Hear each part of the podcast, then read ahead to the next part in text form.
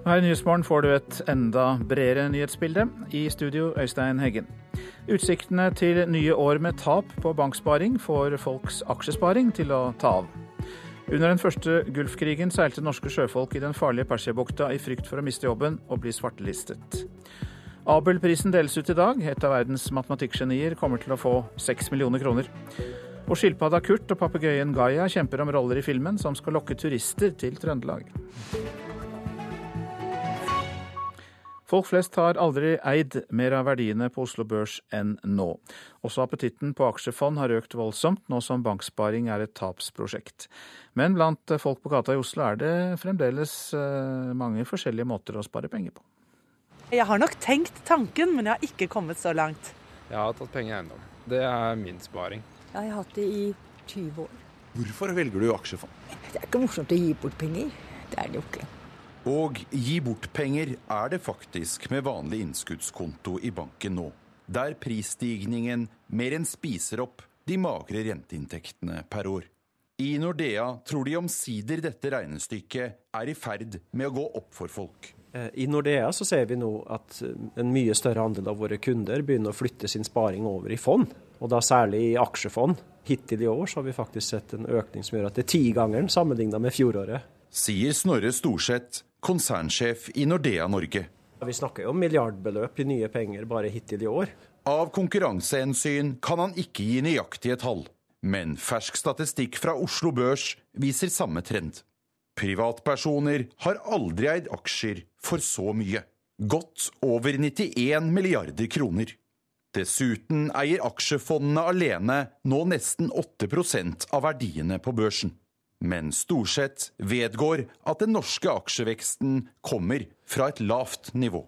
Norge har jo vært unike i at vi har spara mye på bankkonto og mindre i fond. Men nå ser vi at det begynner å komme en stor forandring der. Eh, og jeg tror at mange har innsett at jo, men lave renter det kommer vi til å ha lenger enn det som man kanskje først trodde. Og da har man behov for å spare på et sted der man også kan få litt mer enn inflasjon i avkastning over tid. Så sent som forrige uke utsatte da også Norges Bank nok en gang den forventede første rentehevingen etter finanskrisen, fra 2018 til 2019.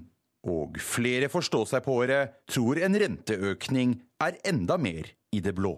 Like fullt vil ikke sentralbanksjef Øystein Olsen gå god for at flere innskuddspenger nå bør flyttes over i aksjer. Det må folk eh, vurdere selv. Man kan skjønne at de som har muligheten av penger i bank, de, de syns ikke avkastninga er spesielt god på vanlig bankinnskudd. Eh, på den andre siden så må alle være klar over eh, at eh, det å putte penger i aksjer, eh, så må man være forberedt på at aksjemarkedet svinger.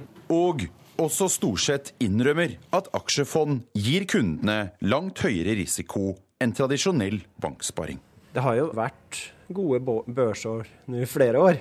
Samtidig så er det klart at det svinger litt mer også om du sparer i aksjer. Så for oss er det jo viktig å ha en diskusjon med våre kunder for å finne et nivå på svingninger som de syns at de kan leve med også over tid. Reporter var Sindre Heirdal.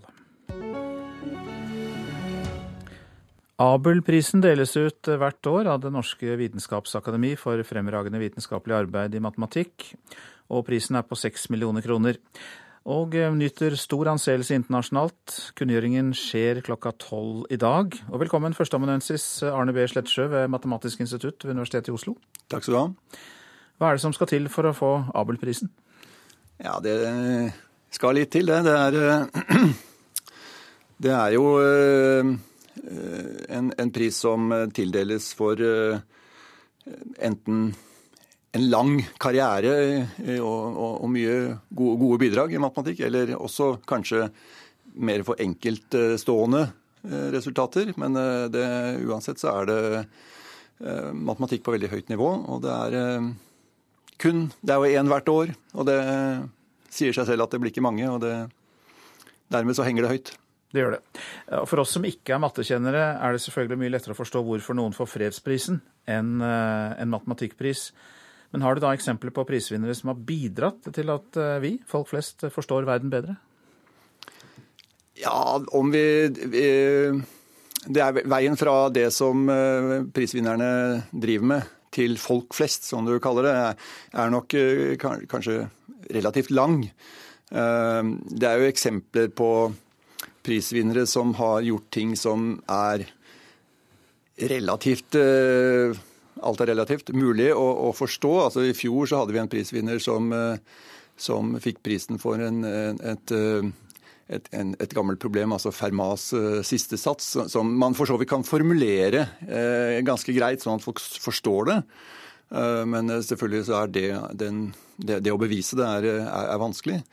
Men eh, så har vi også andre tilfeller. Ved mm, noen år tilbake eh, en, eh, en, indisk matematiker som fikk prisen, som, heter Varadan, for sine arbeider med at egentlig at det, altså han, er, han er statistiker mer, eller den retningen, sannsynlighetsregning. Han fikk prisen for sine arbeider rundt dette med at det usannsynlige er også sannsynlig. Mm. I den forstand at det, det, selvfølgelig det er det alltid det mest sannsynlige som, som, som skjer.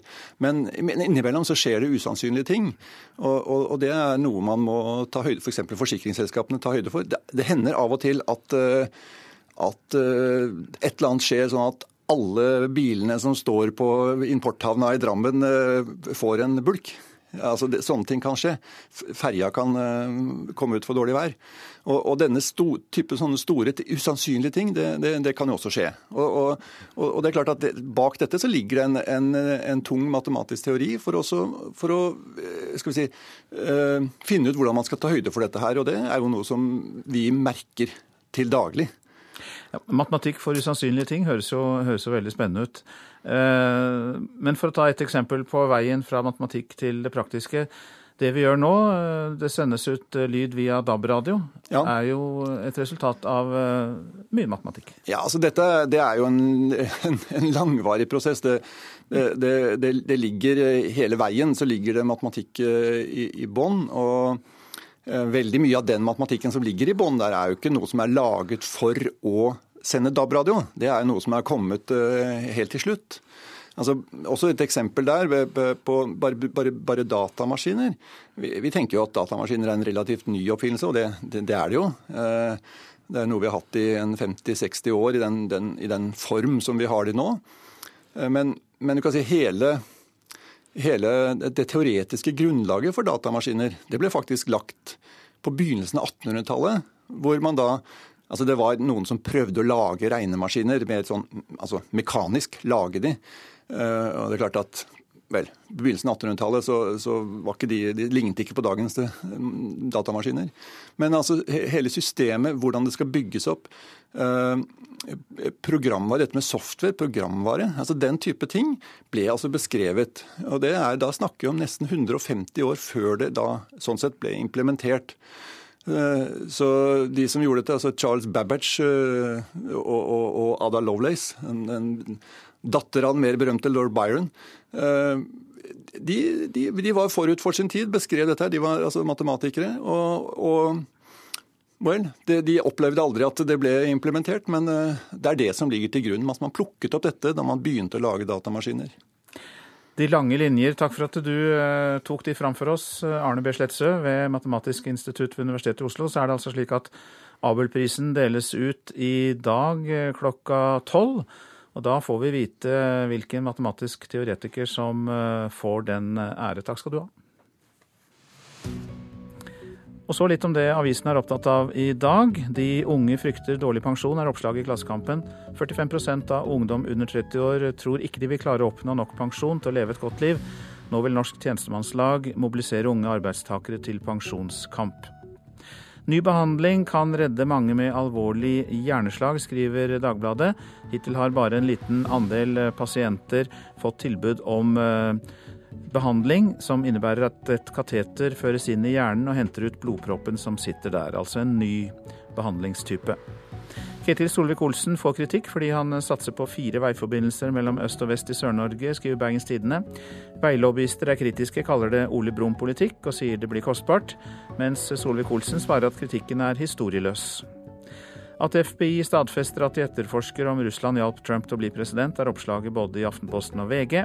Det er tidligere kampanjeledere og rådgivere som granskes, bekreftet FBI-sjef James Comey i går.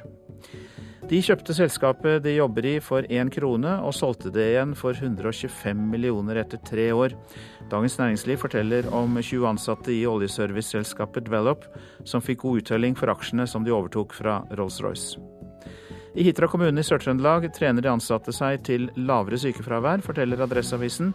Millioner av kroner er spart innenfor pleie, omsorg og renhold etter at treningsmodellene ble innført i samarbeid med Nav. Stadig flere skoler dropper Operasjon Dagsverk til fordel for lokale innsamlinger, men da kan de risikere å samle inn til svindlere, skriver Vårt Land. Det er innsamlingskontrollen som er bekymret for at pengene kan havne i lomma til useriøse aktører. Her begynner bilfri by, skriver Dagsavisen om hundrevis av parkeringsplasser som fjernes i Oslo sentrum, bl.a. i Kongens gate, Møllergata, Øvre og Nedre Slottsgate. Sykler, skating, gatemøbler og kultur- og idrettsarrangementer skal overta plassen. Nordlys forteller om en kronerulling som har pågått siden 1939 for å bygge kirke i bygda Ramsfjord i Tromsø. 1,6 millioner kroner er på 76 år samlet inn.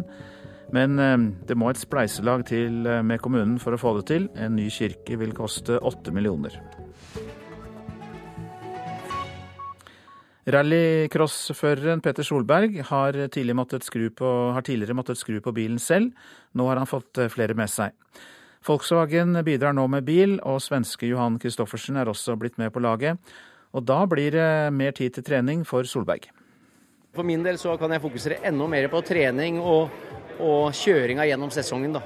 For eh, av teamet det gjør eh, Pernilla og resten av teamet der, så den er under kontroll. Styringen av teamet er under kontroll av kona Pernilla Solberg, så da kan Petter Solberg sjøl fokusere på tilbake VM-tittelen i rallycross. I tillegg til å inngå samarbeid med Volkswagen har han fått med seg svenske Johan Kristoffersson på laget. Og jeg er glad jeg har fått inn han som er megadyktig sjåfør, så det kommer til å bli steinhardt, det er helt klart. Men eh, vi må tenke på teamsamarbeidet først og fremst nå. Kristoffersson sjøl bruker norske superlativ når en skal beskrive hva han syns om samarbeidet med Petter Solberg. Helt rått, sier han vel i Norge. Nei, men det kjennes eh, veldig bra å få samarbeide med Petter. og Jeg ser virkelig frem mot det. å Få Petter inn i Volkswagen-familien nå. Og, og virkelig med det her oppbakkingen vi har eh, fra Volkswagen, så två otroligt starka chaufförer i samma team och, och väldigt bra uppbackning. Så jag ser verkligen fram emot sesongen säsongen eh, och framförallt premiären i Barcelona. To sterke sjåfører som siktes inn mot VM-tittelen til tross. Solberg bør øve lite grann på hva teamet hans faktisk heter. Det heter Petter Solberg. Eh, Volkswagen World RX Team Sweden.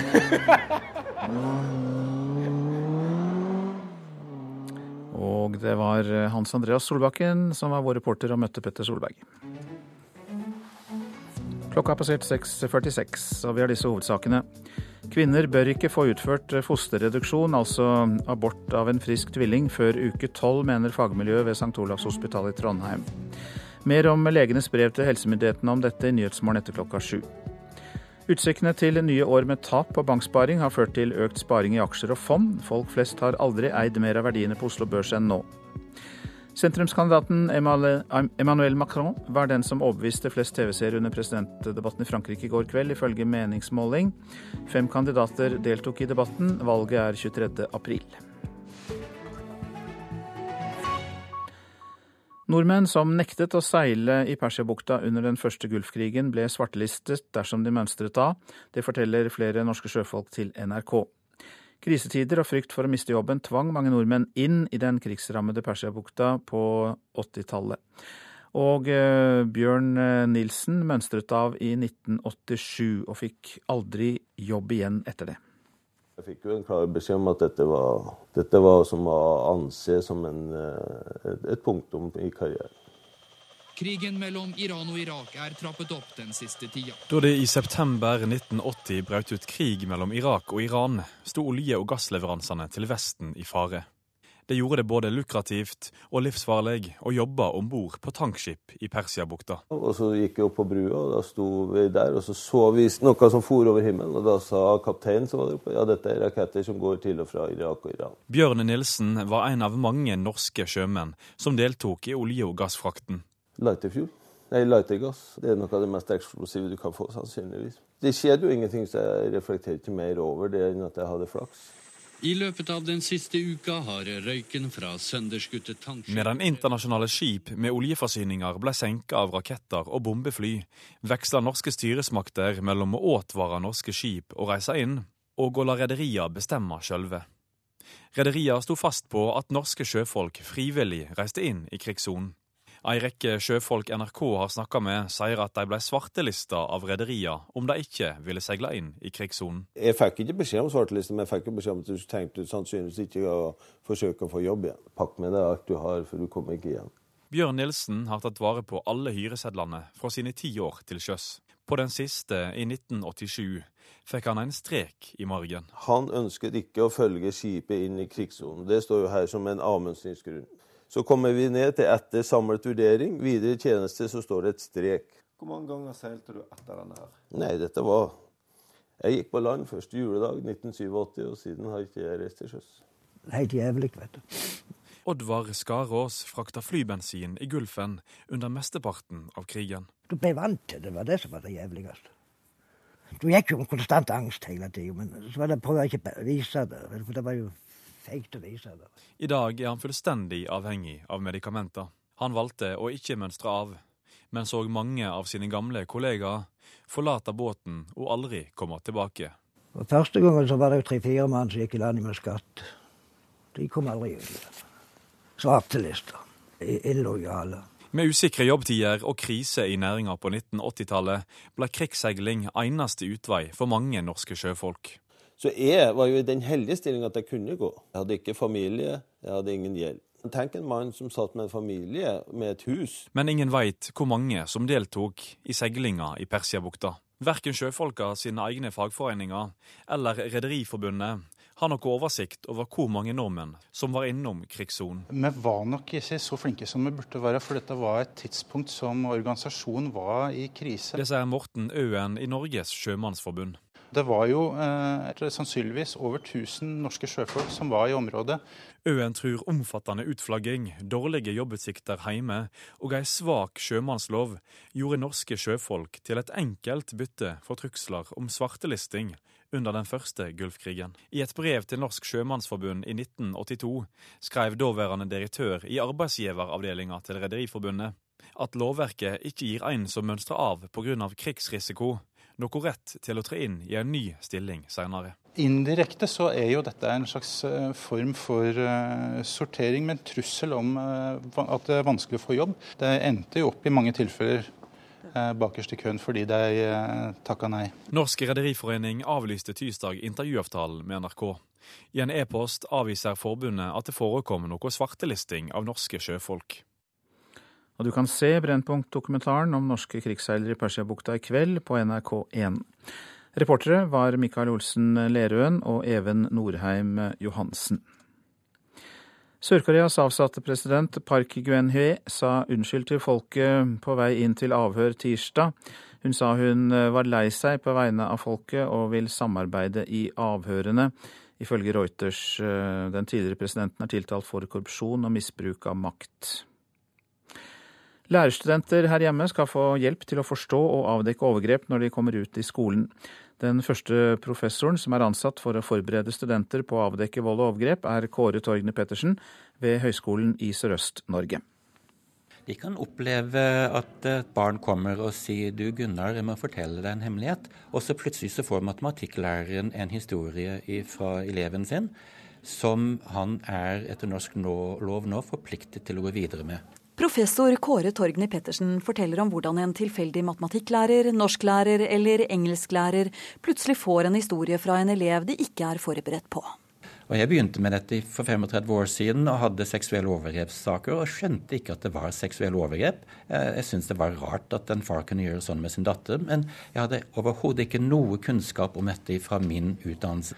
Og noe av den situasjonen er dagens lærere og barnehagelærere at de de ikke har fått denne kunnskapen inn eh, på en systematisk måte på skolen. og da, da, da kan det ikke lastes for at ikke de ikke har sett det videre når de kommer ut i praksis. Der hvor vi skal være til onsdag, er det i storauditoriet, eller? Ja, sånn at vi får plass til så mange som mulig. Ja. Jeanette Rydgren er lærerstudent på tredje året. Nå går professoren sammen med henne for å finne auditoriet hvor han skal holde sin første forelesning for studentene denne uka. Så der er det plass til, eh, til mange. Hun forteller at de har et stort behov for kunnskap om temaet. Vi savner det veldig mye. Det er eh, fire timer i løpet av våre fire år i utdanninga, og det er jo ingenting. Det er altfor lite kunnskap. Har, har dere opplevd noe sånt ute i praksis? Det har kommet fram, ja. Medstudenter som har opplevd sett ting. Nå skal vi gjøre dem kyndige til å kunne se og, og til å kunne handle. Mm. Og hva skal de se etter? De skal uh, bruke ørene dobbelt så mye som øynene. på en måte Høre hva barnet sier. Når barnet kommer med prøveballonger på hva de har vært utsatt for, eller at de har en hemmelighet, eh, eller at de eh, f.eks. trekker seg tilbake plutselig, eller blir veldig hyperaktive, som er de to viktigste tegnene i forhold til det vi kaller for dissosiasjoner, eh, så må det ringe noen bjeller hos læreren på at her har barnet forandret seg veldig kort tid. Noe har skjedd i barnets liv. Foreløpig kan de sitte og spise lunsj på campus uten altfor store bekymringer, de 3000 lærer- og barnehagelærerstudentene ved Høgskolen i Sørøst-Norge. Men de er smertelig klar over at temaet vold og overgrep er en problemstilling de vil oppleve i løpet av arbeidslivet. Det er 20% av kvinnene og 8% av menn før de er fylt 18 som har vært utsatt for det. Og vi er jo med de 190 dager i løpet av året. Det er derfor det er en nasjonal satsing for å gi studentene undervisningen de trenger. Men professor Kåre Torgny Pettersen, som har jobbet med seksuelle overgrep i 35 år, er redd for at mange utdanningsinstitusjoner ikke kommer til å følge godt nok opp. Der tror jeg det kommer til å bli sundet en god del fremover. Og eh, ikke innføre dette i noe stor grad i undervisningen. Det holder ikke lenger å ha det som en fagdag i undervisningen. Reporter Karoline Bekkelund Hauge. Trøndersk reiseliv går nye veier og tar kjæledyr i bruk for å lokke flere turister til landsdelen. Flere filmer skal lages, og mange kjemper om rollene. Blant dem er skilpadda Kurt, papegøyen Gaia og geitebukken Odin. Det som er utgangspunktet her nå, er at vi skal få filma de her dyrene. Og så skal vi prøve å lete etter de her små øyeblikkene som på en måte kan gi oss muligheten til å legge en stemme på hvert enkelt dyr. Så da finner vi liksom personligheten deres, finner en dialekt til dem, og så skal de da fortelle om hvor fantastisk det er i Trøndelag her, da. Gøran Verdal er regissør i Klipp og lim, som er hyra inn av Trøndelag Reiseliv for å lage reklamefilmene. Og de har hatt spennende og morsomme dager på settet. I går hadde vi jo ei geit i studio, en skikkelig geitebukk. Og den var jo for rundt og stanga på alle som jobba her. Så og i dag hadde en papegøye som stakk av, så det, var, det er litt forskjellig. Dette er studio til Klipp og Lim, som eh, filmer for oss og har utvikla konseptet for oss. Og Grunnen til at vi står her, er for at vi skal selge Trøndelag som en eh, feriedestinasjon. Vi vil få folk til å komme til Trøndelag, oppleve alt det flotte vi har å by på. Og for å få til å gjøre det, så har vi valgt at eh, dyrene skal få lov å spille hovedrollen. Det sier Wenche Sundt Bendiksvold Ryjord. Hun er digital markedsfører i Trøndelag Reiseliv, og i taket Ti meter over oss sitter en av hovedrolleinnehaverne, papegøya Gaia, som stadig tar seg en flygetur i den svære hallen der audition arrangeres. Hun har det godt der å sitte oppe og ser utover oss andre som er liksom fortvila og vil ha henne. Alle dyrene har vært eksemplariske. Vi har hatt tre chihuahuaer som klinger klynger seg sammen, koser seg i lag. Vi har eh, hadde ei katte som har sprunget og gjemt seg under en bil. Eh, vi hadde en ponni. Vi har hatt flere hunder, katter, og nå har vi en papegøye som sitter i taket. De fikk Gaia ned til slutt og plasserte den på en pinne foran filmkamera. Der, ja. Sitter den bra. Nei. Idet Gaia tar en ny flyvetur, kommer Trude og Sanna Mo Bergman inn døra med et nytt kjæledyr. Ja, men skilpadde. Kurt. Kurt, ja. ja. Så han skal på audition? Ja, det skal han. Nå ligger han godt gjemt her, tror jeg. Ja, han er jo mest glad i varme, så Oi, vi pleier å pakke den inn. Og stor. Ja, han er rundt en sykkelhjelm. Hva ser dere for dere at Kurt skal ha for en rolle? Han trives jo veldig godt der det er sånn blomster og gress og sol. og Ser for meg nede på marinen hadde han jo passa veldig godt. Stereofestivalen? Ja, det syns jeg passer perfekt. Masse grøntområde. Han er jo en sosial type. Der er det god stemning. og... God idé det for filmen? Ja, det syns jeg absolutt. Og reporter på Kjæledyr Audition var Grete Tobro. Og vi tar for oss været. Fjellet i Sør-Norge. Sørvestlig liten og periodevis stiv kuling i Langfjella. Snø av og til, mest i vestlige områder. Østafjells på kysten sørvestlig liten kuling. Kortvarig stiv kuling i Agder og Telemark og perioder med regn. Snø i indre og høyereliggende strøk. Utover kvelden avtagende nedbørsaktivitet. Rogaland vestlig liten kuling. Regn og regnbyger er utrygt for torden. Snø i høyereliggende strøk, og det kan lokalt komme kraftige byger.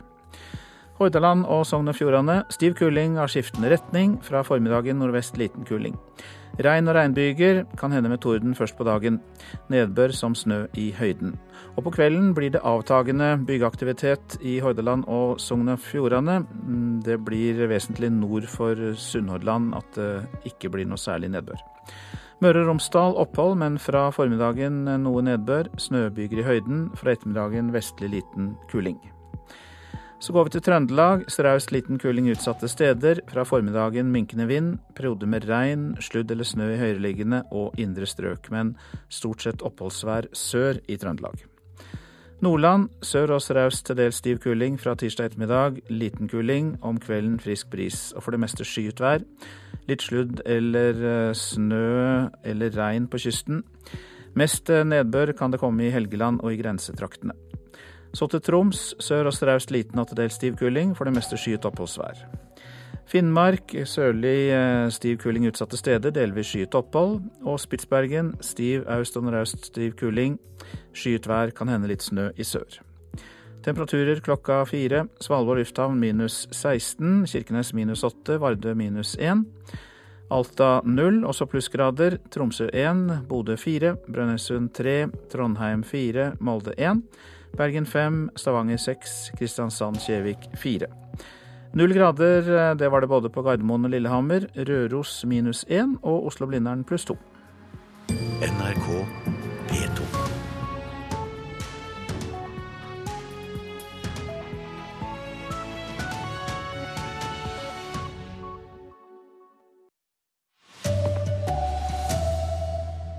Banksparing er et tapsprosjekt, og aksjesparerne blir stadig flere. En mann er alvorlig skadd etter å ha blitt stukket med kniv i Sandnes. Her er NRK Dagsnytt. Klokka er sju. Folk flest har aldri eid mer av verdiene på Oslo Børs enn nå. Også appetitten på aksjefond er på full fart opp, nå som banksparing er et tapsprosjekt. En mye større andel av våre kunder begynner å flytte sin sparing over i fond. Hittil i år så har vi faktisk sett en økning som gjør at det er tigangeren sammenlignet med fjoråret. Sier Snorre Storseth, konsernsjef i Nordea Norge. Fersk statistikk fra Oslo Børs viser samme trend. Privatpersoner har aldri eid aksjer for så mye. Godt over 91 milliarder kroner. Sa reporter Sindre Heierdal. En mann i slutten av 40-åra er alvorlig skadd etter å ha blitt stukket med kniv i Sandnes. En kvinne er pågrepet, mistenkt for ugjerningen. Det sier Charles Bøgel ved Sør-Vest politidistrikt. For å starte forbindelsen så fikk vi melding via AMK inn til politiet her om at det har vært en knivstikking i en leilighet. Samtidig så får vi melding fra en av politipatruljene våre om at de står i nærheten av denne leiligheten i Sandnes og har tatt hånd om en, en kvinne da, som òg er faktisk nå mulig gjerningsperson. Kvinner bør ikke få utføre fosterreduksjon på en frisk tvilling før uke tolv. Det mener fagmiljøet som utfører dette ved St. Olavs hospital i Trondheim. I fjor ble det klart at Lovavdelingen i Justisdepartementet tolket abortloven slik at kvinner før uke tolv kan velge å abortere en frisk tvilling og bære fram ett barn. Men fosterreduksjon kan først skje etter uke tolv av medisinske årsaker, mener legene som nå har sendt bekymringsbrev til Helsedirektoratet.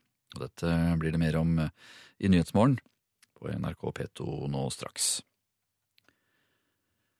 Nordmenn som nektet å seile i Persiabukta under den første Gulfkrigen, ble svartelistet hvis de mønstret av. Det forteller flere norske sjøfolk til NRK. Krisetider og frykt for å miste jobben tvang mange nordmenn inn i den krigsrammede Persiabukta på 1980-tallet. Bjørn Nilsen mønstret av i 1987 og fikk aldri jobb igjen. Jeg fikk jo en klar beskjed om at dette var som å anse som en, et punktum i karrieren. Da fikk jeg også beskjed om at nå pakk med deg alt du har, for du kommer ikke igjen. Slutten på ditt sjømannsliv? Eh, det var i hvert fall det som jeg fikk muntlig fortalt når jeg sa at jeg ikke ønska å gå inn. Norges eh, Rederiforbund avviser overfor NRK at norske sjøfolk ble svartelistet. NRK Dagsnytt, Anders Borgen Werring. Og her i Nyhetsmorgen går vi videre på det vi hørte i Dagsnytt, at leger mener fosterreduksjon på en frisk tvilling ikke bør utføres innenfor regelverket for selvbestemt abort. Justisminister Per-Willy Amundsen sier politikerne ikke skal gi politifaglige råd, som f.eks. sertifisering av etterforskere, slik Arbeiderpartiets Hadia Tajik ønsker. Beboerne i 15 hus i Odda ble evakuert i går kveld pga. fare for snøras. Og Islands president kommer på statsbesøk i dag. NRK-veteran Geir Helgesen kommer hit, for han kjenner Island veldig godt. Legene som utfører fosterreduksjon ved tvillingsvangerskap, advarer altså i et brev til Helsedirektoratet. Legene sier de føler seg presset til å utføre inngrepet for tidlig, slik at det skal komme inn under lov om selvbestemt abort. Lovavdelingen i Justisdepartementet har tolket abortloven slik at kvinner før uke tolv kan velge fosterreduksjon, som altså innebærer å abortere en frisk tvilling og bære fram et barn. Men legene mener det øker faren for komplikasjoner. Vi skulle gjerne unngå dette å bli pressa til å gjøre inngrepet tidligere enn vi syns det er medisinsk forsvarlig. Torbjørn Eggebø er seksjonsoverlege ved Nasjonalt kompetansesenter for invasiv fostermedisin. Det er de som utfører fosterreduksjon, dvs. Si fjerner et foster når kvinnen er gravid med to eller flere. Ved flerlingsvangerskap gjøres det ofte av medisinske årsaker, fordi risikoen ved trilling eller flere kan være høy. I fjor ble det klart at kvinner gravid med tvillinger kunne abortere ett foster før uke tolv og bære fram ett barn, fordi det går under selvbestemt abort. Men inngrepet kan aldri utføres før uke tolv, og det faglige miljøet i Trondheim mener slike fosterreduksjoner bør nemndbehandles. Fordi abortloven sier ganske tydelig at et inngrep på selvbestemt grunnlag skal, før, skal utføres før uke tolv.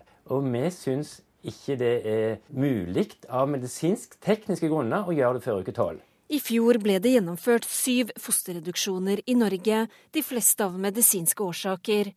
En kvinne fikk utført fosterreduksjon i et tvillingsvangerskap pga. selvbestemt abort, viser den offentlige årsrapporten. Inngrepet utføres ved at en tynn nål stikkes inn og sprøyter saltvannsoppløsning inn i fosterets hjerte. Etter 30 sekunder dør det. Et vanskelig inngrep som bør utføres så sent som mulig, sier Eggebø. Vi vil gjerne gjøre en grundig undersøkelse av graviditeten med ultralyd før inngrepet. Og vi ser jo mye bedre når svangerskapet er kommet litt lenger. Vi vil veldig gjerne unngå den situasjonen at det, det blir en syk tvilling som blir igjen. Eggebø sier de er lojale mot hva Helsedepartementet bestemmer, men det er etiske diskusjoner i fagmiljøet. De ber Lovavdelingen i Justisdepartementet om å se på dette på nytt. Juristene i departementet har tolka ordlyden i abortloven nøye. Men de har ikke tenkt medisinsk-tekniske forhold. Vi som helsepersonell ble aldri spurt om de medisinske aspektene knytta til dette. Vi skulle gjerne ønske de hadde spurt oss før de kom med sin endelige lovtolkning. Justisdepartementet har tolket abortloven. Den skal man bruke på samme måte når det gjelder fosterreduksjon som vanlige aborter, og det er der vi er. Sier Torunn Janbu, avdelingsdirektør i Helsedirektoratet.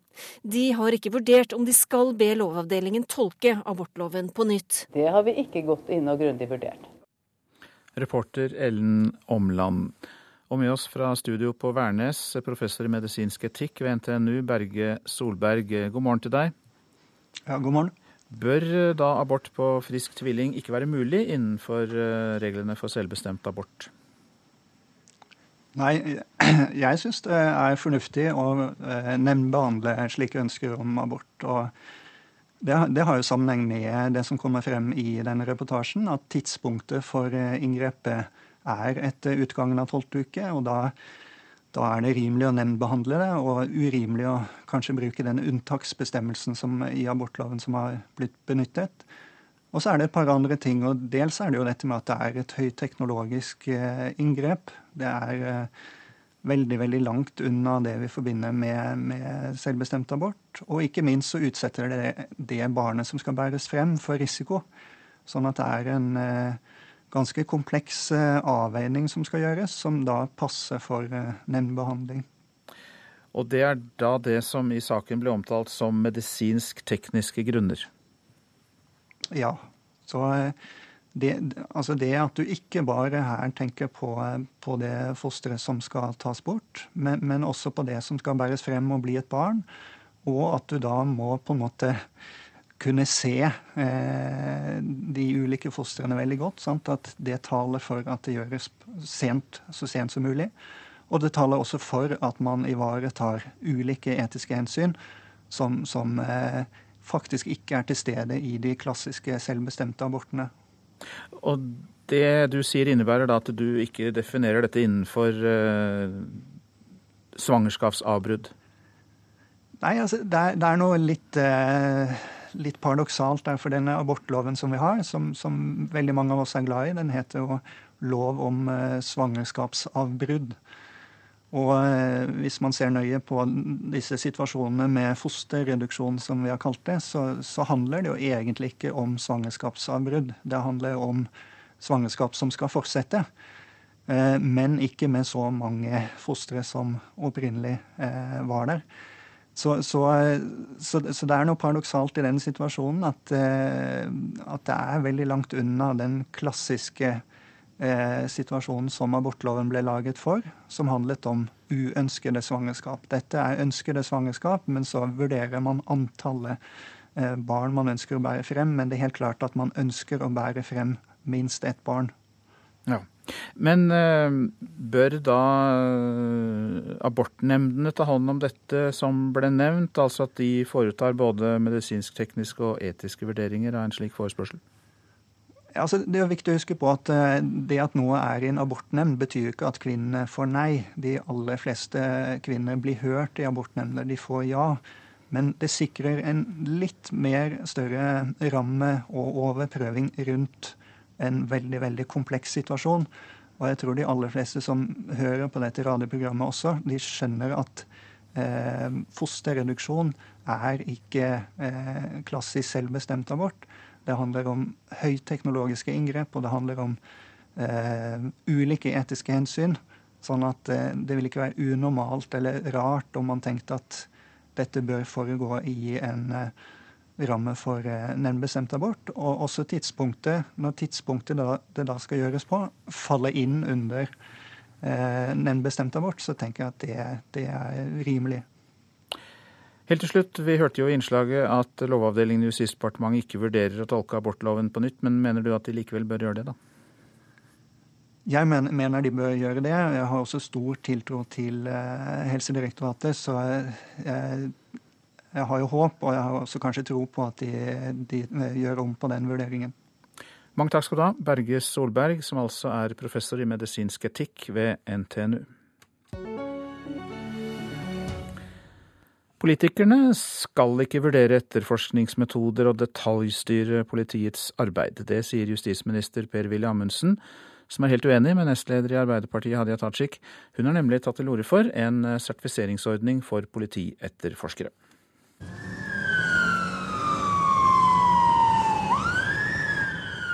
Hvis en polititjenesteperson vil trykke på blålysknappen eller patruljere, må vedkommende i dag ha kurs, årlig trening og godkjenning. De kravene eksisterer ikke for dem som skal avgjøre mistenkte overgripere, eller de som skal etterforske grove kriminelle handlinger. Arbeiderpartiets nestleder Hadia Tajik har stilt ett spørsmål til justis- og beredskapsminister Per-Willy Amundsen i Frp. Hvorfor? Det er altså ikke politikere, men eh, politiet sjøl som står nærmest til å vurdere etterforskningsmetoder. Amundsen sier politiet selv må finne ut om en sertifisering er veien å gå for å sikre kvaliteten i etterforskningsarbeidet. Jeg vil ikke gå inn i å detaljstyre arbeidet til politiet og kreve en sertifiseringsordning. Jeg har tillit til at Politidirektoratet tar riktige avgjørelser rundt eh, det politifaglige arbeidet. Eh, dersom politikere skal gå inn og bestemme hvordan politiet skal arbeide, så kan vi altså fort komme i en situasjon der eh, politiet raskt får helt utdaterte arbeidsmetoder. I det skriftlige svaret justisministeren har sendt Stortinget, skriver han at Politidirektoratet og Riksadvokatembetet allerede har utarbeidet en nasjonal handlingsplan for et løft av etterforskningsarbeidet. Dette skal, slik Amundsen ser det, gi en systematisk heving av kvalitet og status for etterforskerne. Men altså ingen formelle krav eller sertifiseringer. Og lite håndfast for å imponere Tajik. Hvis det er sånn at justisministeren har andre og bedre planer, så må han gjerne fortelle om de planene. Så langt har han ikke gjort rede for det. Og det kommer han ikke til å gjøre i denne saken, utover at det ikke blir noen sertifisering, og at det er en plan der ute. Vi har eh, lange planer om eh, ting som skal gjennomføres de nærmeste årene. Og det å begynne å pålegge ytterligere eh, tiltak tror jeg overhodet ikke er formålstjenlig. Reportere David Voislav Krekling og Lena Gundersby Gravedal. Beboere i 15-huset i Odda i Hordaland ble evakuert i går kveld pga. fare for eh, snøskred. Og ordfører i Odda, Roald eh, Aga Haug, eh, takk for at du kan være med i Nyhetsmorgen. Hva er dere redde for? Det som ekspertene er redde for, er jo at det skal bygges opp snøskavler pga. dette spesielle været, som gjør at det kan bli utløst store snøskred i forhold til dette boligområdet. da. Hva er det spesielle jo... Unnskyld. Ja. Nei, så her har Politiet basert seg på uh, vurderinger fra NVE og NGI, og uh, lytta til fagfolkene. Ja. Hva er det som er det spesielle med været? Nei, Det er vestlig vær, og det ganske, har vært ganske vått oppe. Nå vil jo det vise seg hvordan temperaturen utvikler seg i løpet av dagen. da. Men da kan det blåse opp uh, skavler som blir veldig store, og som da en er bekymra for kan komme ned. Og disse 15 beboerne, hvor har de tilbrakt natta? Ja, Det er 29 beboere. Noen av de har bodd privat hos venner og kjente, og noen har bodd på Hardanger hotell i Odda. Ja, så det er 29 beboere i 15 hus, ja. ja. Eh, eh, er det en viss fare for at flere kan bli nødt til å flytte hjemmefra? Ikke, det har vi ikke hørt noe som helst om. Jeg tror vel det at en har tatt eh, iallfall godt i i forhold til de som nå er evakuert, sånn at en har, har en viss sikkerhetsmargin. Og, uh, så det, det, har jeg ingen, ingen, opplysninger om at kan bli aktuelt. Nå vil en jo vurdere situasjonen utover dagen fra NVEs side, og så uh, ta vurderinger. Og så skal vi ha et møte med disse som er evakuert klokka fire i dag. Takk skal du ha, ordfører i Odda, Roald Aga Haug.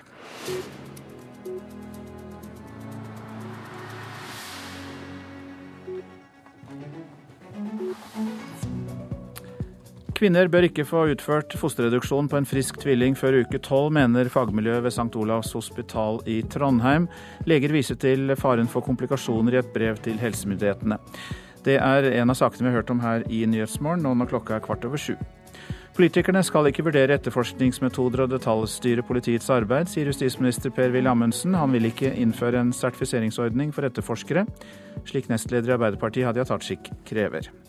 Utsiktene til nye år med tap på banksparing har ført til økt sparing i aksjer og fond. Folk flest har aldri eid mer av verdiene på Oslo Børs enn de gjør nå. I dag kommer Islands president Gudny Johannesson på offisielt statsbesøk til Norge, og det er det første statsbesøket fra Island på 20 år. Tidligere NRK-kollega Geir Hellesen, hjertelig velkommen. Takk skal du ha. Det er altfor sjelden vi har sett deg her. Ja, Det er hyggelig å være her, i hvert fall. For du kjenner de politiske forholdene på Island veldig godt. og Presidenten der er jo valgt av folket, men har begrenset makt. Likevel så viser vel historien at eh, presidenten ikke bare er en gallionsfigur. Ja, men nå Gudny Johansson som sitter nå, som ble valgt i, i, fjor, han har jo sagt at han eh, skal være en upolitisk president, i motsetning til Olaf Ragnar Grimson, som satt før ham, som jo brøt inn og tok politikerne i øret enkelte ganger. Så han, han, er ikke tilknyttet, Gudny er ikke tilknyttet noe politisk parti. Og han, han, er egentlig historiker, utdannet både i Reykjavik og i England.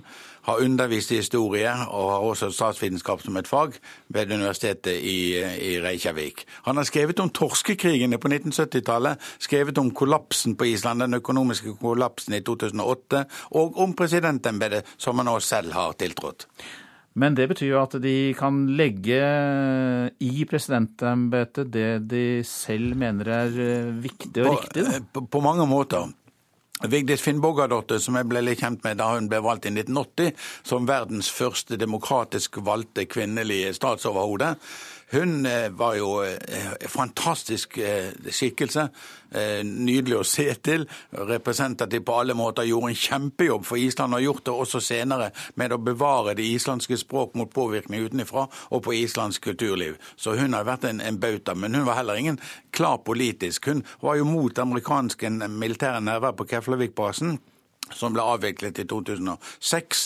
Men eh, hun sa at hun ville ikke som president gå inn og gjøre noe med, med den situasjonen på hennes tid på 80-tallet. Vel, nå er jo altså Gudny Johannesson eh, Han skal komme til eh, Oslo. Det er et statsbesøk. Han har med seg sin kanadiskfødte kone Elisa Reed. Og de skal møte statsminister Erna Solberg. Hvilke temaer blir viktige? Forholdet mellom Island og Norge er godt. Og er noe som manifesterer det, er noe som skal skje i morgen formiddag. For da vil den islandske utenriksminister Gudlaugur Thor Thordarsson han vil overrekke på vegne av det islandske folk Islendingesagaene, som er oversatt til norsk. 500 eksemplarer, ble det sagt. Og det er jo 40 sagaer. Dette skal han overlevere til eh, Linda Hofstad Helleland, den norske kulturministeren, som en gave i takknemlighet fra det islandske folk for vennskap og samarbeid mellom Island og Norge. Og Det skal skje på Nasjonalbiblioteket i morgen formiddag. Det er en manifestasjon av det gode forhold som er mellom de to landene. Og Når vi først eh, snakker om Island, det har jo vært turbulent med avsløringer i forbindelse med Panama-papirene, at flere av landets politikere har hatt hemmelige konti. Hvordan går det på Island da? Det går bra. Du vet, Det utrolige er jo at etter den fadesen, det må vi kunne kalle det, skandalen som skjedde i 2008 med den finansielle økonomiske kollapsen, så har de reist seg igjen. Og, klar, og islendingene er jo et veldig arbeidsomt, et ivrig folkeslag som står på bestandig. Og eh, nå er det jo også etablert et norsk-islandsk eller islandsk-norsk handelskammer som eh, jobber for samarbeid på næringslivssiden mellom Norge og Island, så det går egentlig ganske bra. Island har jo som Norge en EØS-avtale. Det var i, For en del år tilbake så var det snakk om at Island ville forhandle med EU likevel om å få et medlemskap, men det ble avviklet igjen. De holdt på i en par-tre år, og så ble det avviklet igjen i 2014, var det vel. Din entusiasme for Island er umiskjennelig. Den har vært det i mange år. Hvorfor det? Altså, jeg har jobbet med, med, nordisk politikk, norsk og nordisk politikk. Sverige og Danmark er kanskje viktigere for oss. Men ytterpunktene, Finland og Island, er mye mer fascinerende. Mye mer spennende å jobbe med. Island er et, et, lite folk. 330 000 mennesker bor det der. En rundt 120 000 i hovedstaden Reykjavik. Og det er lett å holde kontakt med folkene. Jeg har hatt veldig god kontakt med, med islandske politikere. Har faktisk det fortsatt med, med en del. Så, så, det er jo Det er fascinerende. Og så har det skjedd spennende ting. Jeg har dekket vulkanutbruddet, jeg har dekket torskekrigen, jeg har dekket alltingsvalg, jeg har dekket presidentvalg og fulgt dette opp gjennom, eh, gjennom årene. Og så er jo Island gode i fotball, de er gode i idrett, det husker vi jo sist. Og Gudny, som eh, som nå er president, Faren hans var håndballtrener. Han selv har spilt håndball også. og Om han var så veldig god, skal jeg ikke si, men han har i hvert fall vært aktiv. Så håndball, fotball er veldig aktiv på Island. De har hatt en del gode i friidrett. Og så har de en, en, brytesport som er litt annerledes enn det som er vanlig ellers, som skal være også populær på Island. Dette er fantastisk, Geir Hillesen. Takk for at du kom. Vi har gått helt fra presidentens besøk til islandsk bryting. Takk skal du ha. Og vi går enda videre ut i verden. Regnskogen i Amazonas forsvinner raskt. Det siste året har avskogingen økt med rundt 30 og klima- og miljøminister Vidar Helgesen er i Brasil for å drøfte dette. Han understreker at de store norske utbetalingene til Amazonasfondet er avhengig av positive resultater. Norway, um Klima- og miljøministeren møtte i går de ansatte i BNDES, den brasilianske storbanken som forvalter de enorme pengesummene Norge bruker på å redde regnskogen i Amazonas. Nå øker altså angrepene på regnskogen, og ministeren advarer. Det er ikke en utvikling som bør fortsette. Eh, fordi eh, regnskogen eh, i Brasil er verdens største. Den har stor betydning for verdens klima. Og den norske skogsatsingen dreier seg om å støtte land som får avskogingen ned. I mange år gikk avskogingen i Amazonas kraftig ned, men de siste par årene har utviklingen snudd, og i fjor var det en økning på hele 30% det mektige industrilandbruket her i Brasil har økende innflytelse, og miljøinteressene er på defensiven, sier Juliana Santiago, som leder Amazonasfondets arbeid her i Brasil. Jeg er svært bekymret. Selvsagt er jeg det. Vi jobber hardt for å redde regnskogen, og vi har satt i gang mange prosjekter for å få innbyggerne i Amazonas til å starte næringsvirksomhet som ikke skader skogen. Men etter mange års fremgang ser vi nå en negativ utvikling som vi for enhver pris må snu, sier hun. We want to see stronger engagement by more actors in this very important field. Amazonasfondet og norske myndigheter jobber nå med flere tiltak som man håper kan snu utviklingen. Et av dem er å få det private næringslivet til å ta større ansvar for regnskogen, og miljøminister Vidar Helgesen deltar i dag på en stor konferanse i Brasilia der dette er temaet. Ja, Det er veldig viktig. Vi ser globalt at eh, noen av de største eh, matvareselskapene engasjerer seg for bærekraftige og avskogingsfrie forsyningskjeder. Eh, det er viktig at også de store nasjonale og regionale selskapene gjør det samme.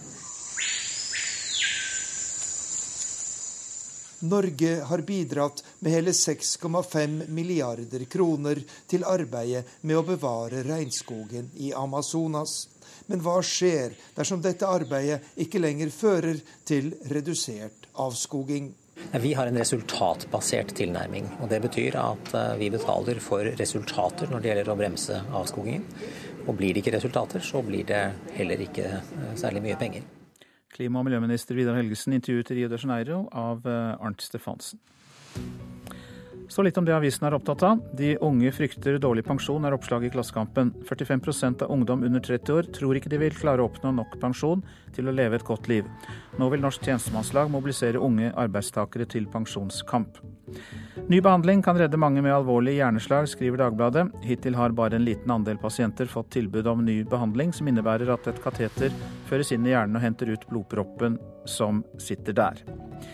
De kjøpte selskapet de jobbet i for én krone, og så solgte de det for 125 millioner etter tre år. Det er Dagens Næringsliv som forteller om 20 ansatte i oljeserviceselskapet Dvelop, som fikk god uttelling for aksjene som de overtok fra Rolls-Royce. I Hitra kommune i Sør-Trøndelag trener de ansatte til lavere sykefravær. Det forteller Adresseavisen. Millioner av kroner er nemlig spart innenfor pleie, omsorg og renhold etter at treningsmodellen ble innført, i samarbeid med Nav. Stadig flere skoler dropper Operasjon Dagsverk til fordel for lokale innsamlinger, men da kan de risikere å samle inn til svindlere, skriver Vårt Land. Det er innsamlingskontrollen som er bekymret for at pengene kan havne i lomma til useriøse aktører.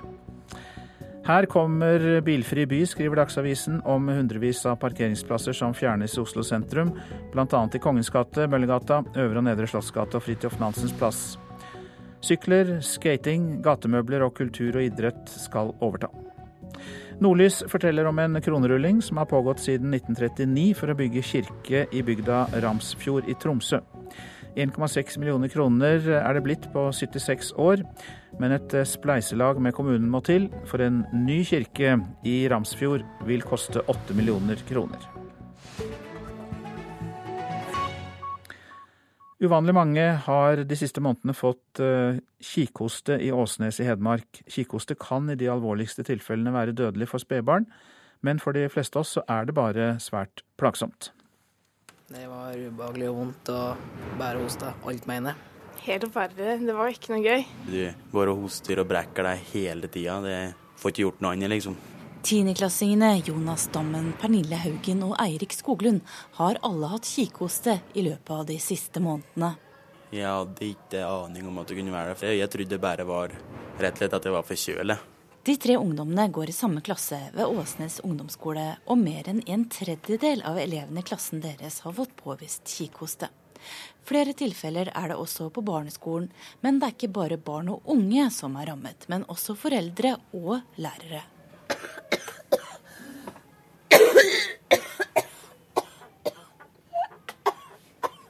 Eli Gunnarsrud er lærer i den tiendeklassen som er hardest rammet. Hun hoster på sjuende uka.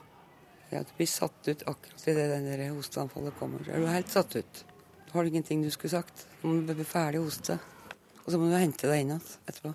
Kommuneoverlege Terje Kristiansen sier at det har vært uvanlig mange tilfeller av kikhoste i Åsnes de siste månedene. Vi har fått relativt mange meldinger slik som det skal gå til Folkehelseinstituttet. Men det ser nå ut som utbruddet har nådd toppen, og det er bra. For kikhoste er ekstremt smittsomt, sier Margrethe Greve Isdal, som er overlege og spesialist i barnesykdommer ved Folkehelseinstituttet. Hvis det hadde vært en uvaksinert befolkning, så vil én person med kikhoste smitte mellom 15 til 18 andre rundt seg. Sånn at eh, Hvis du skal sammenligne med influensa, da, som alle tenker er veldig smittsomt, så vil én person med influensa smitte én til to personer rundt seg. Selv om sykdommen er ubehagelig, er den ufarlig for de aller fleste. Men den kan være dødelig for de aller minste barna. De eh, kan få sånn alvorlige kikanfall som gjør at de ikke får puste, og kan eh, i de aller mest alvorlige tilfellene faktisk dø av kikhoste. For eldre barn og voksne så kaller man det for 100-dagershoste, fordi at man hoster i 100 dager. I Norge får barn tre vaksiner som spedbarn og blir revaksinert i 2. klasse og tiende klasse. Men etter tiende klasse så er man liksom overnatt til å følge opp selv. Og da er, er det anbefalt at man bør vaksinere seg hvert tiende år, spesielt hvis man har kontakt med barn. De fleste i klassen til Jonas har nå blitt bedre og er tilbake på skolen. Sitter jo i på de fleste, men det er liksom ingen som hoster sånn brekker seg i timen. da. Så det, det verste virker å ha gått over. Denne reportasjen var laget av Ann Kristin Moe. Du lytter til Nyhetsmorgen, og produsent i dag er Arild Svalbjørg. Her i studio, Øystein Heggen. NRK P2.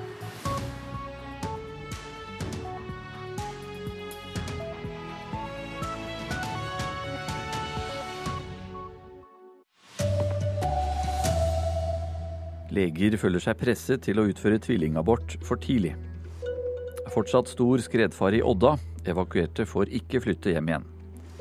Og det er frykt for nye år med tap på bankkontoen. For folk, eh, det får folk til å hamstre aksjer. Her er NRK Dagsnytt klokka 7.30.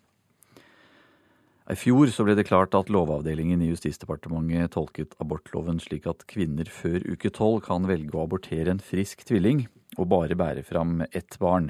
I et brev til Helsedirektoratet advarer nå legene mot denne praksisen. Vi skulle gjerne unngå dette og bli pressa til å gjøre inngrepet tidligere enn vi syns det er medisinsk forsvarlig. Torbjørn Eggebø er seksjonsoverlege ved Nasjonalt kompetansesenter for invasiv fostermedisin. I fjor ble det klart at kvinner gravid med tvillinger kunne få utført fosterreduksjon, altså abortere ett foster før uke tolv og bære fram ett barn fordi det går under selvbestemt abort. Men inngrepet kan aldri utføres før uke tolv, mener fagmiljøet, og mener slike fosterreduksjoner på friske tvillinger bør nemndbehandles. Vi syns ikke det er mulig av medisinsk-tekniske grunner å gjøre det før uke tolv. I fjor ble det gjennomført syv fosterreduksjoner i Norge, de fleste av medisinske årsaker. Én kvinne fikk utført fosterreduksjon i tvillingsvangerskap pga. selvbestemt abort, viser den offentlige årsrapporten. Inngrepet utføres ved at en tynn nål stikkes inn og sprøyter kaliumklorid, saltvannsoppløsning, inn i fosterets hjerte. Etter 30 sekunder dør det. Et vanskelig inngrep som bør utføres så sent som mulig, fordi de ser mer på ultralyd da, sier Eggebø. Vi vil veldig gjerne unngå den situasjonen at det, det blir en syk tvilling som blir igjen. De er lojale til hva Helsedepartementet bestemmer, men allikevel, de ber Lovavdelingen i Justisdepartementet om å se på dette på nytt. Justisdepartementet har tolket abortloven. Den skal man bruke på samme måte når det gjelder fosterreduksjon som vanlige aborter, og det er der vi er. Sier Torunn Janbu, avdelingsdirektør i Helsedirektoratet. De har ikke vurdert om de skal be Lovavdelingen tolke abortloven på nytt. Det har vi ikke gått inn og grundig vurdert. Reporter her, Ellen Omland.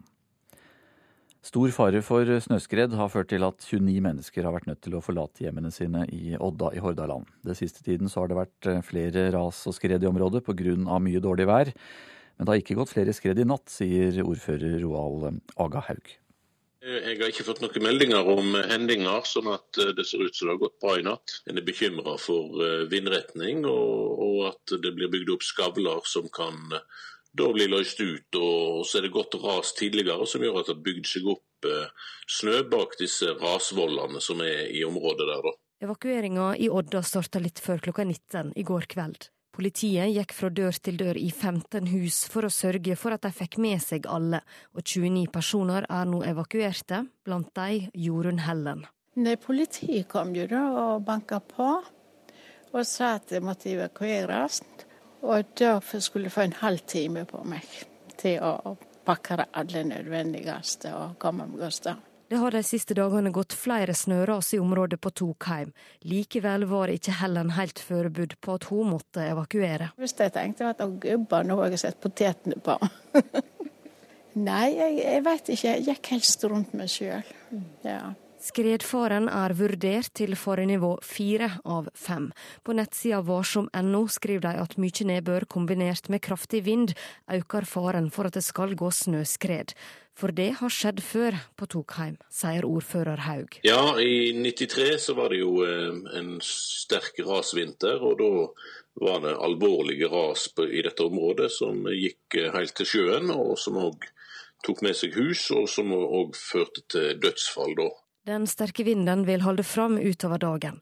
Klokka 16 skal de ta en vurdering på om de evakuerte må overnatte enda en natt på Hardanger hotell sa reporter Katrine Nybø. Politikere skal ikke blande seg inn i eh, politifaglige råd, det sier justisminister Per-Willy Amundsen. Han er helt uenig med nestleder i Arbeiderpartiet Hadia Tajik, som har tatt til orde for en sertifiseringsordning for politietterforskere.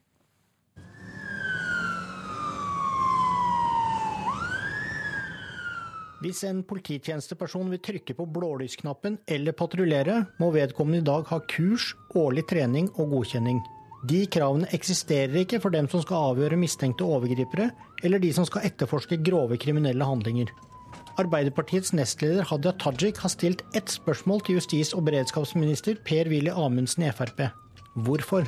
Det er altså ikke politikere, men eh, politiet sjøl som står nærmest til å vurdere etterforskningsmetoder. Amundsen sier politiet selv må finne ut om en sertifisering er veien å gå for å sikre kvaliteten i etterforskningsarbeidet. Jeg vil ikke gå inn i å detaljstyre arbeidet til politiet og kreve en sertifiseringsordning. Jeg har tillit til at Politidirektoratet tar riktige avgjørelser rundt eh, det politifaglige arbeidet. Reportere David Voisla Krikling og Lena Gundersby Gravdal. Folk flest har aldri eid mer av verdiene på Oslo Børs eh, enn nå. Også appetitten på aksjefond har økt eh, voldsomt. I Nordea så ser det en tidobling fra i fjor. Men blant folk på gata i Oslo så er det fremdeles ulike måter å spare penger på. Jeg har nok tenkt tanken, men jeg har ikke kommet så langt. Jeg har tatt penger i eiendom. Det er min sparing. Jeg har hatt det i 20 år. Hvorfor velger du aksjefond? Det er ikke morsomt å gi bort penger. Og gi bort penger er det faktisk med vanlig innskuddskonto i banken nå, der prisstigningen mer enn spiser opp de magre renteinntektene per år. I Nordea tror de omsider dette regnestykket er i ferd med å gå opp for folk. En mye større andel av våre kunder begynner å flytte sin sparing over i fond. Hittil i år så har vi faktisk sett en økning som gjør at det er tigangeren sammenligna med fjoråret. Sier Snorre Storseth, konsernsjef i Nordea Norge. Fersk statistikk fra Oslo Børs viser samme trend. Privatpersoner har aldri eid aksjer for så mye. Godt over 91 milliarder kroner. Men Storseth vedgår at den norske aksjeveksten kommer fra et lavt nivå. Norge har jo vært unike i at vi har spara mye på bankkonto og mindre i fond. Men nå ser vi at det begynner å komme en stor forandring der. Så sent som forrige uke utsatte da også Norges Bank nok en gang den forventede første rentehevingen etter finanskrisen. Like fullt vil ikke sentralbanksjef Øystein Olsen gå god for at flere innskuddspenger nå bør flyttes over i aksjer. Det må folk eh, vurdere selv. Man kan skjønne at de som har muligheten til å ha penger i bank, de syns ikke avkastninga er spesielt god på vanlig bankinnskudd. På den andre siden så må alle være klar over at aksjemarkedet svinger. Reporter i denne saken, Sindre Heierdal. Tidligere viseførsteminister i Nord-Irland, Martin McInnes, er død. Han ble 66 år gammel, melder Sky News. McInnes var tidligere leder i IRA, men la ned våpnene og deltok i fredsforhandlinger for å få slutt på den over 30 år lange konflikten mellom katolikker og protestanter i Nord-Irland. Nordmenn som eh, nektet å seile i Persiabukta under den første Gulfkrigen, ble svartelistet hvis de mønstret av. Det forteller flere norske sjøfolk til NRK. Krisetider og frykt for å miste jobben tvang mange nordmenn inn i den krigsrammede Persiabukta på 1980-tallet. Bjørn Nilsen mønstret av i 1987, fikk aldri jobb igjen. Dette var som å anse som en, eh, et punktum i karrieren. Da det i september 1980 brøt ut krig mellom Irak og Iran, sto olje- og gassleveransene til Vesten i fare. Det gjorde det både lukrativt og livsfarlig å jobbe om bord på tankskip i Persiabukta. Rederiene sto fast på at norske sjøfolk frivillig reiste inn i krigssonen. Ei rekke sjøfolk NRK har snakka med, sier at de ble svartelista av rederiene om de ikke ville seile inn i krigssonen. Fikk beskjed om at du tenkte sannsynligvis ikke å forsøke å få jobb igjen. Pakk med deg alt du har, for du kommer ikke igjen. Helt jævlig, vet du. Oddvar Skarås frakta flybensin i Gulfen under mesteparten av krigen. Og første gangen så var det tre-fire mann som gikk i land med skatt. De kom aldri ut igjen. Svartelista. Illojale. Indirekte så er jo dette en slags eh, form for uh, sortering. Det sier Morten Øen i Norges sjømannsforbund. Øen tror omfattende utflagging, dårlige jobbutsikter hjemme og ei svak sjømannslov gjorde norske sjøfolk til et enkelt bytte for trugsler om svartelisting under den første Gulfkrigen. Det endte jo opp i mange tilfeller eh, bakerst i køen fordi de eh, takka nei. Norsk Rederiforening avlyste tirsdag intervjuavtalen med NRK. I en e-post avviser forbundet at det forekommer noe svartelisting av norske sjøfolk. Ja, Du kan eh, se Brennpunkt-dokumentaren om eh, norske krigsseilere i eh, Persiabukta i kveld på NRK1. Reportere i denne saken det var Mikael Olsen Lerøen og Even Norheim Johansen. Elin Pettersen har ansvaret for NRK Dagsnytt i dag. Jeg heter Anders Borgen Werring.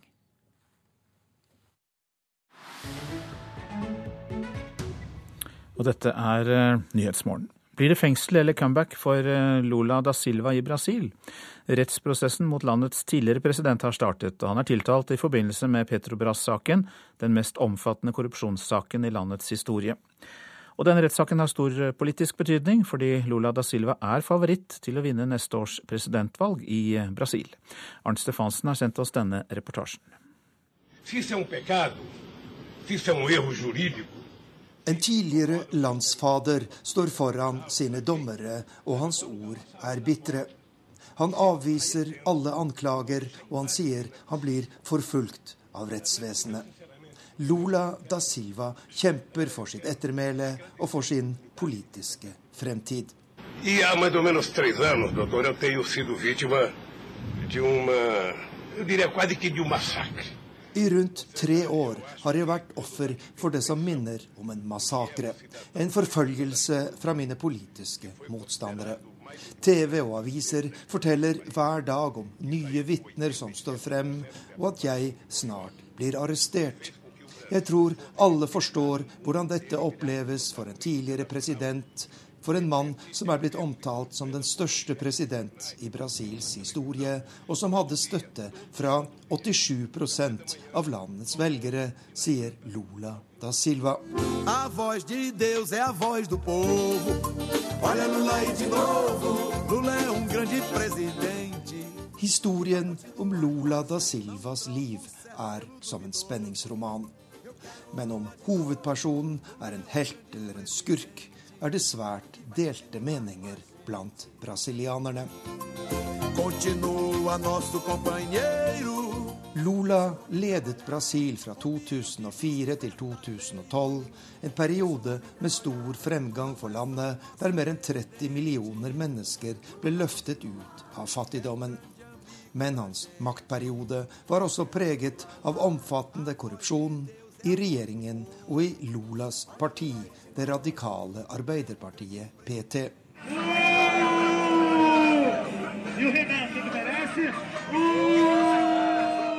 Millioner av brasilianere har de siste årene demonstrert mot korrupsjonen her i Brasil, og mange mener at Lula da Silva bør havne bak lås og slå. Blant folk i landets øvre middelklasse er han en forhatt person. Og i denne demonstrasjonen i bydelen Copacabana her i Rio er det ikke vanskelig å finne deltakere som er overbevist om Lulas skyld.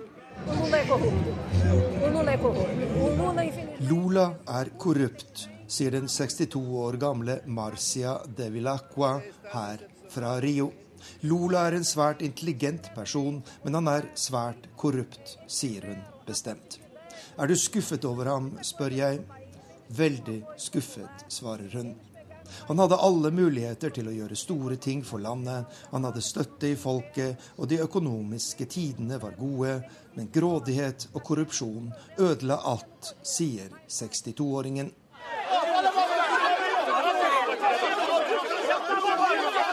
I fjor vår ble Lula da Silva arrestert i en storstilt politiaksjon, men etter noen timer ble han løslatt. Selv om myndighetene har brukt enorme ressurser i etterforskningen, så er det ennå ikke lagt frem holdbare beviser mot ham. Nå står han altså for retten, tiltalt for korrupsjon i forbindelse med Petrobras-skandalen, den største korrupsjonssak i Brasils historie. Men Lula benekter all skyld og mener han er offer for en politisk heksejakt. Jeg tok en de ver procurador dizer que não precisa de prova, que ele tem convicção. Dette er hovedsaker i nyhetene. Kvinner bør ikke få utført fosterreduksjon på en frisk tvilling før uke tolv, mener fagmiljøet ved St. Olavs hospital i Trondheim. Leger viser til faren for komplikasjoner i et brev til helsemyndighetene. Stor fare for snøskred har ført til at 29 mennesker har vært nødt til å forlate hjemmene sine i Odda i Hordaland. Den siste tida har det vært flere ras i området pga. mye dårlig vær. Utsiktene til nye år med tap på banksparing har ført til økt sparing i aksjer og fond. Folk flest har aldri eid mer av verdiene på Oslo Børs enn de gjør nå. Og det er Politisk kvarter ved Bjørn Myklebust.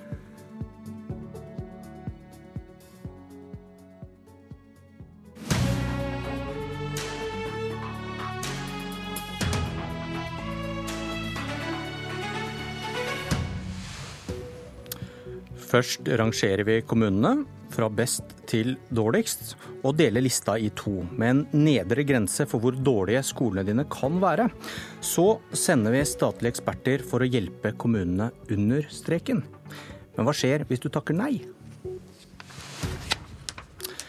Du hører eller ser på Politisk kvarter. Jeg heter Bjørn Myklebust. Velkommen, kunnskapsminister Torbjørn Røe Isaksen. Tusen takk. I går presenterte du deler av Lærelyst, en stortingsmelding om kvalitet i skolen, der dere bl.a. vil hjelpe kommuner som sliter. Og hvordan skal dere finne kommunene som har for dårlige skoler?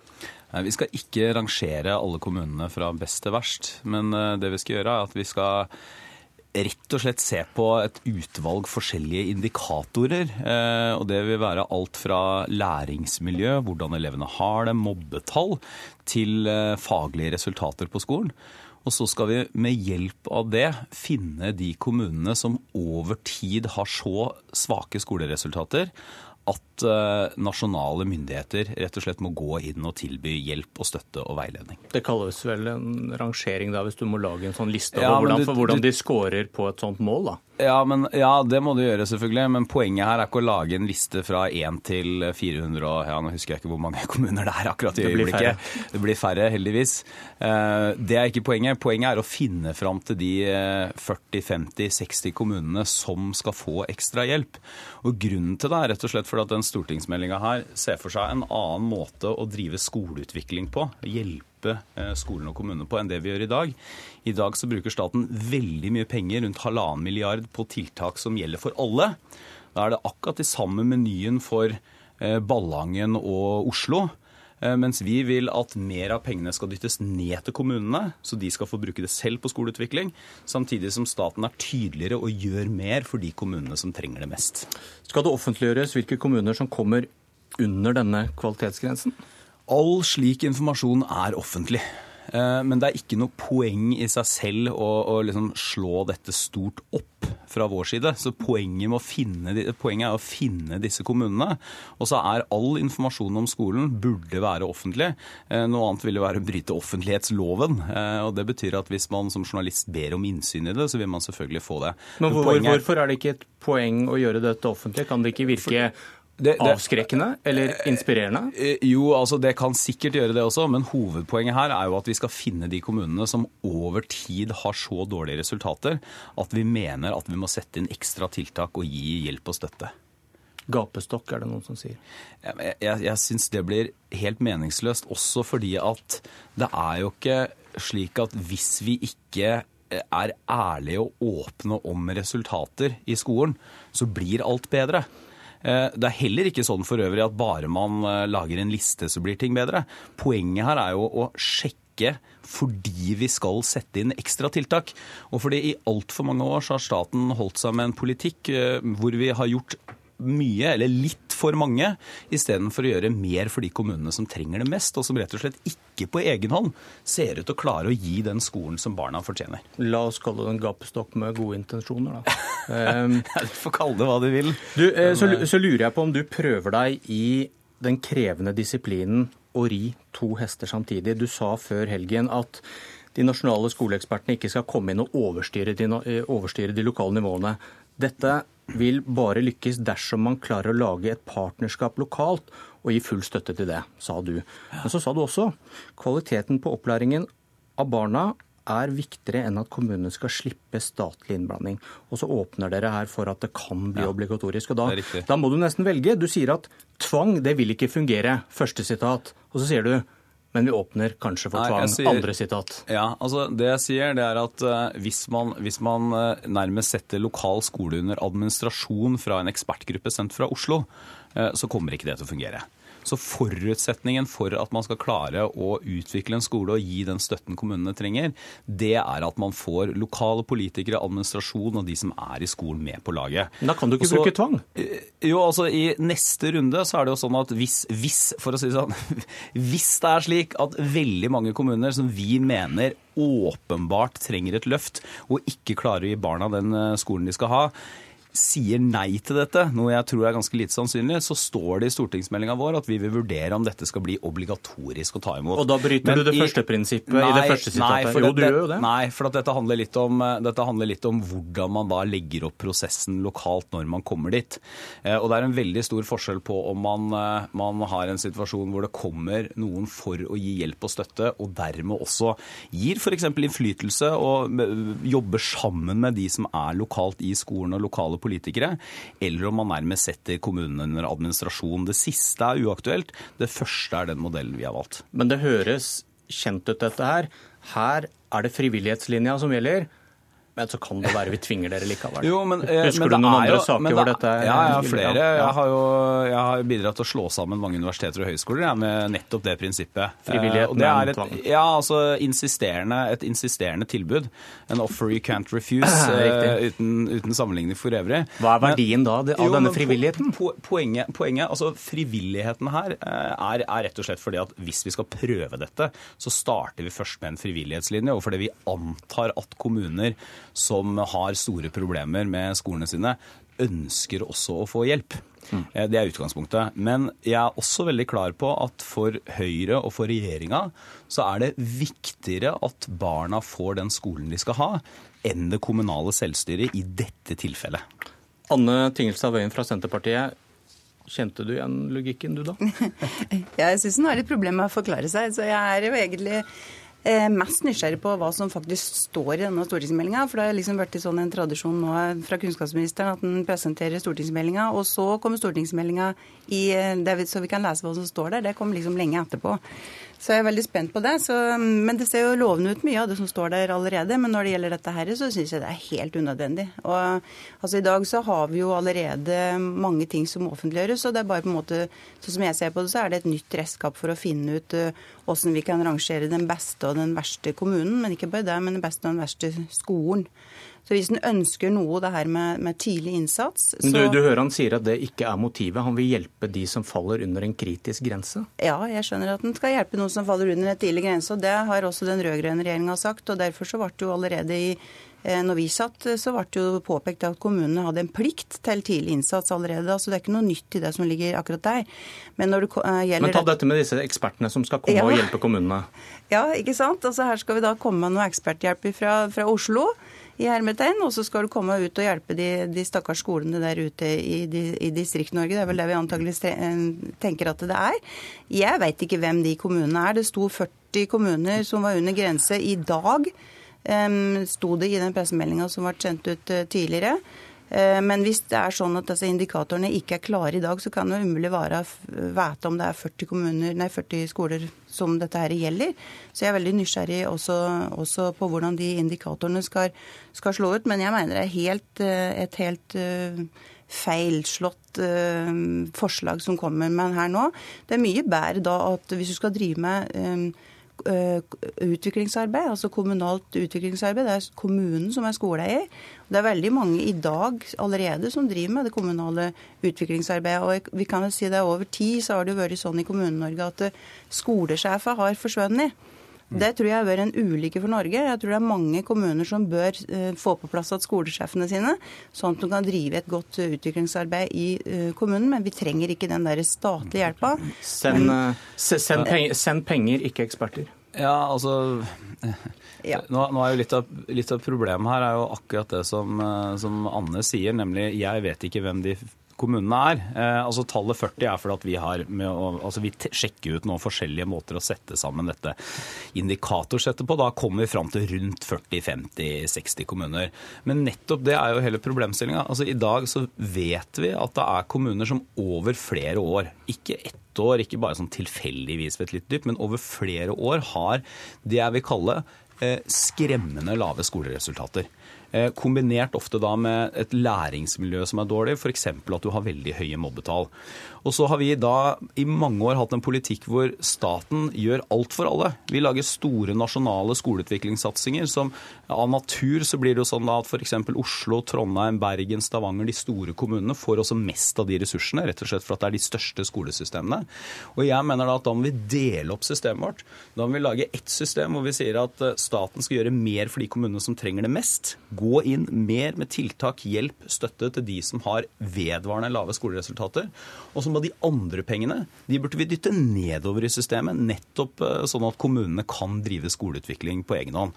Men så er jo problemet til Senterpartiet er jo ikke at det er jo ikke bare her de er mot offentliggjøring eller eh, å sjekke hvordan det, det går i skolen. Det handler ikke om offentliggjøring. Jo, men det handler også om det. Ja, men Anne, bare, la meg si det ferdig. for du, dere, har, dere, er mot at vi skal være med i verdens største skoleforskningsprosjekt, PISA. Mm. Dere mener at de nasjonale prøvene som alle elever har i dag, skal bli utvalgsprøver, mm. sånn at bare noen få har det. Sånn at det blir umulig å si noe om skoleresultater Nei, i kommunen, det, bare nasjonalt. Dere vil ikke offentliggjøre resultatene fra de nasjonale prøvene på skolenivå, som vi nå gjør. Så på, ved hver eneste korsvei så sier jo Senterpartiet nei til informasjon i, om skolen. Nei, da, og tror at det skal gjøre det bedre. Ja, men, du, vi vil, vil, du, vil du egentlig, men vil du egentlig finne disse skolene som nei. sliter i ja. lesing, regning, og som har dårlig skoletrivsel? Ja, altså du kan godt finne de skolene som, i, i, nei, som sliter med både lesing og regning.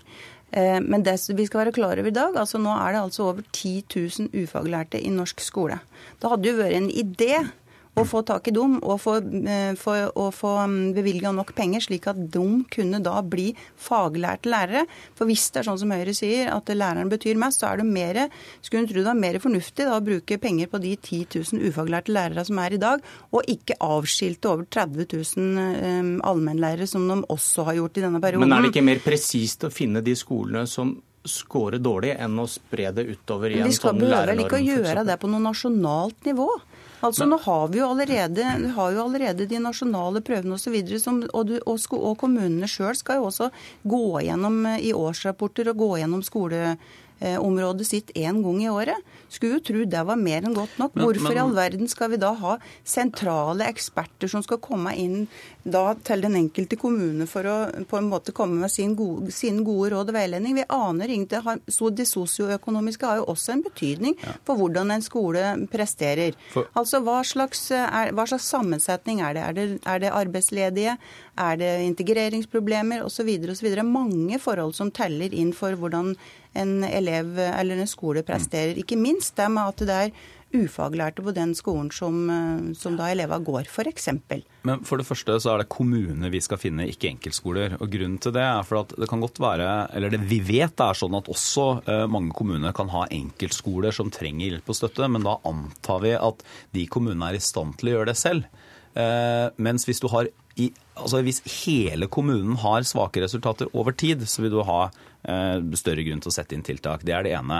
Det andre er at det, sånn som jeg forstår Senterpartiet nå, så betyr det at man ikke kan ha noe ekstra hjelp og støtte fra nasjonalt hold. Dette er jo bare tull. Jo, men, jo, men, jo, men det, er, det, det, er klart vi skal det. Altså i dag, nå skal jeg fortelle deg en ting. Ferdig, bare, ja, kan, nå nå syns jeg det er min tur til å si noen ting. for det er jo sånn i dag at vi driver Strengt tatt var det min tur til å si noe. Da er jeg er jeg er jeg streng lærer, og så gir jeg Røe Isaksen 15 sekunder, og så skal du få svare etterpå. Eh, det er sånn du argumenterer som vi ikke kan ha noen nasjonale tiltak. Eh, I dag vi, bruker vi halvannen milliard på skoleutvikling. Vi må bruke de pengene bedre, og da må vi hjelpe de kommunene som trenger det mest, mer, og hjelpe andre mindre. Altså, det er som du sier, Vi har nasjonale skoleutviklingstiltak i dag. og Det er de tiltakene jeg mener at kommunene sjøl må gripe fatt i. og Det er der jeg også savner da de skolesjefer som vi gjerne skulle hatt ute på det enkelte, i den enkelte kommune. Eh, og Det er en jobb å gjøre her også for, for kommunepolitikerne å bry seg om sin egen skole og hvordan de utvikler seg. Men så må vi heller ikke gå oss helt vill i at det kun er norsk og matematikk som vi på en måte skal teste. For vi er, vi er i ferd med å få en veldig smal skole i Norge hvis vi bare skal legge vekt på det, og ikke legge vekt på at vi også har mange ufaglærte f.eks. i mat og helse okay, og de praktiske, estetiske fagene. Du, du kommer litt i går. Det var mange, det var mange som dumpet uh, dårlige nyheter 9-11. Dere slipper da hele meldingen når Senterpartiets landsmøte åpner. Men hvorfor gjør dere det? Hvorfor kommer du med noe uten å legge fram hele meldinga? Er det for å ha regi på det hele? For å komme med sukkerbitene? Først og fremst, altså, eh, er, vi, vi, gjør alltid sånn. Det har kommet nyheter fra denne meldingen også tidligere. og Hvis man følger godt med, så vil man se at vi har eh, både snakket om problemstillingene, konkrete tiltak, i over halvannet år. Men djevelen i detaljene får vi ikke før så, så, hvis du ser på ja. den store nyheten som de fleste fokuserte på i går, nemlig en plikt til intensiv opplæring, så ble det lansert av Norges statsminister og Høyres partileder i fjor på ja. Høyres landsmøte. Og det har vært allerede vedtatt i 2012 av den rød-grønne regjeringa. Det er feil. Det er, nei, det er det ikke. Det er feil. Det hadde vært for kommunene til tidlig innsats. Ja, det er jo helt annet. Vi venter til fredag. Dette var Politisk kvarter, og jeg heter Bjørn Myklebust. Hør flere podkaster på nrk.no podkast.